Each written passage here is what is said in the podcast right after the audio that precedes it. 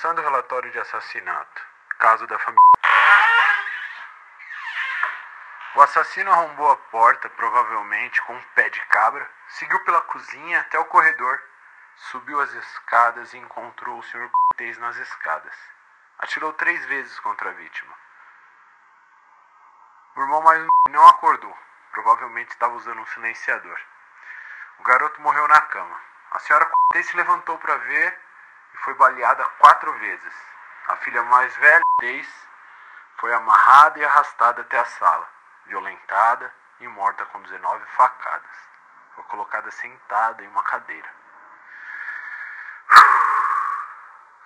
Quatro costelas removidas e colocadas em forma de chifres em sua cabeça. Um salto alto foi colocado no colo da vítima, da entrada até a saída do assassino, aproximadamente 25 minutos. Terceiro assassinato esse ano, seguindo o mesmo padrão.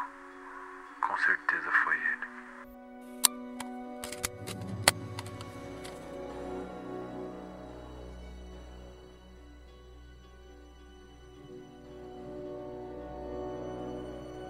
As Princesas dos Ossos, por William Camargo. Esse foi meu primeiro caso, fevereiro de 2003. Três garotas de 17, 19 e 20 anos foram mortas de forma cruel. O assassino ficou conhecido como o maníaco dos chifres. Ele recebeu esse nome pois removia os ossos das vítimas e colocava no formato de chifres em suas cabeças. Depois do segundo assassinato, os moradores entraram em pânico mas mesmo assim o assassino continuou. E depois do segundo assassinato, eu fui designado para o caso. Quando cheguei na cidade, a atmosfera de terror era nítida. Grandes cadeados e segurança redobrada em todas as casas. Quando analisei o caso, vi que as vítimas tinham 17 e 20 anos. Até então, nenhuma relação entre si. As duas mulheres jovens e atraentes. Ele sempre atacava durante a noite e deixava a cena do crime do mesmo jeito. Colocava as vítimas sentadas em cadeiras com seus próprios ossos colocados na cabeça. Nossa primeira pista relevante foi um relatório relacionando as duas vítimas em consultas recentes no mesmo médico, um ginecologista de prestígio na cidade. Achávamos ter encontrado o sujeito. Fomos até a clínica, que ficava ao lado de uma locadora de filmes.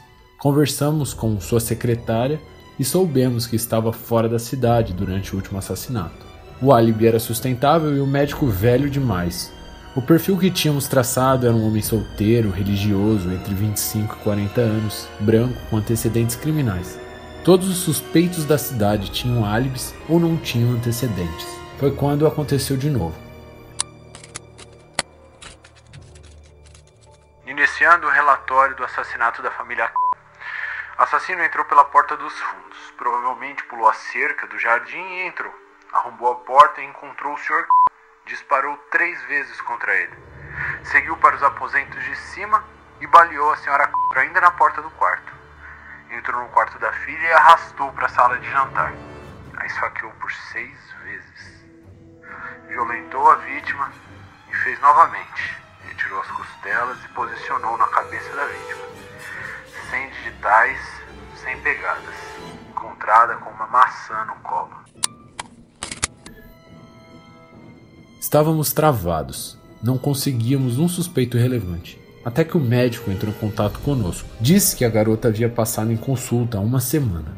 Interrogamos novamente o médico em busca de pistas e descobrimos que as garotas haviam perdido a virgindade recentemente, mas não possuíam nenhum namorado ou amigo em comum. Foi quando eu percebi que estávamos deixando algo passar. Revisando o caso da primeira vítima, eu percebi uma estranha semelhança. A segunda vítima foi encontrada com um salto alto a terceira com uma maçã e a primeira com um tapete. Eram símbolos de princesas, Jasmine, Cinderela, Branca de Neve. Mas como o assassino tinha acesso às consultas e informações tão pessoais das vítimas? Voltamos no consultório do médico e ao chegar eu percebi a maldita locadora ao lado com um cartaz grande do Peter Pan. Na hora eu saquei minha arma e entrei na locadora. O maldito estava atrás do caixa. Quando eu entrei, ele sorriu, ele já sabia que, que tinha sido pego. O assassino deixava um gravador, perto do duto de ventilação que dava acesso ao escritório do médico. Ele gravava as consultas e ia atrás das garotas. Em sua casa foram encontradas mechas de cabelo e um guarda-chuva amarelo dentro de uma caixa. Ele já estava planejando o próximo crime. No interrogatório, disse que seria a Jane. Seguia todos os padrões, com exceção dos antecedentes criminais. Foi encaminhado a um hospital psiquiátrico de segurança máxima após seu julgamento. E só depois de sua prisão notamos que nunca foram chifres, e sim coroas.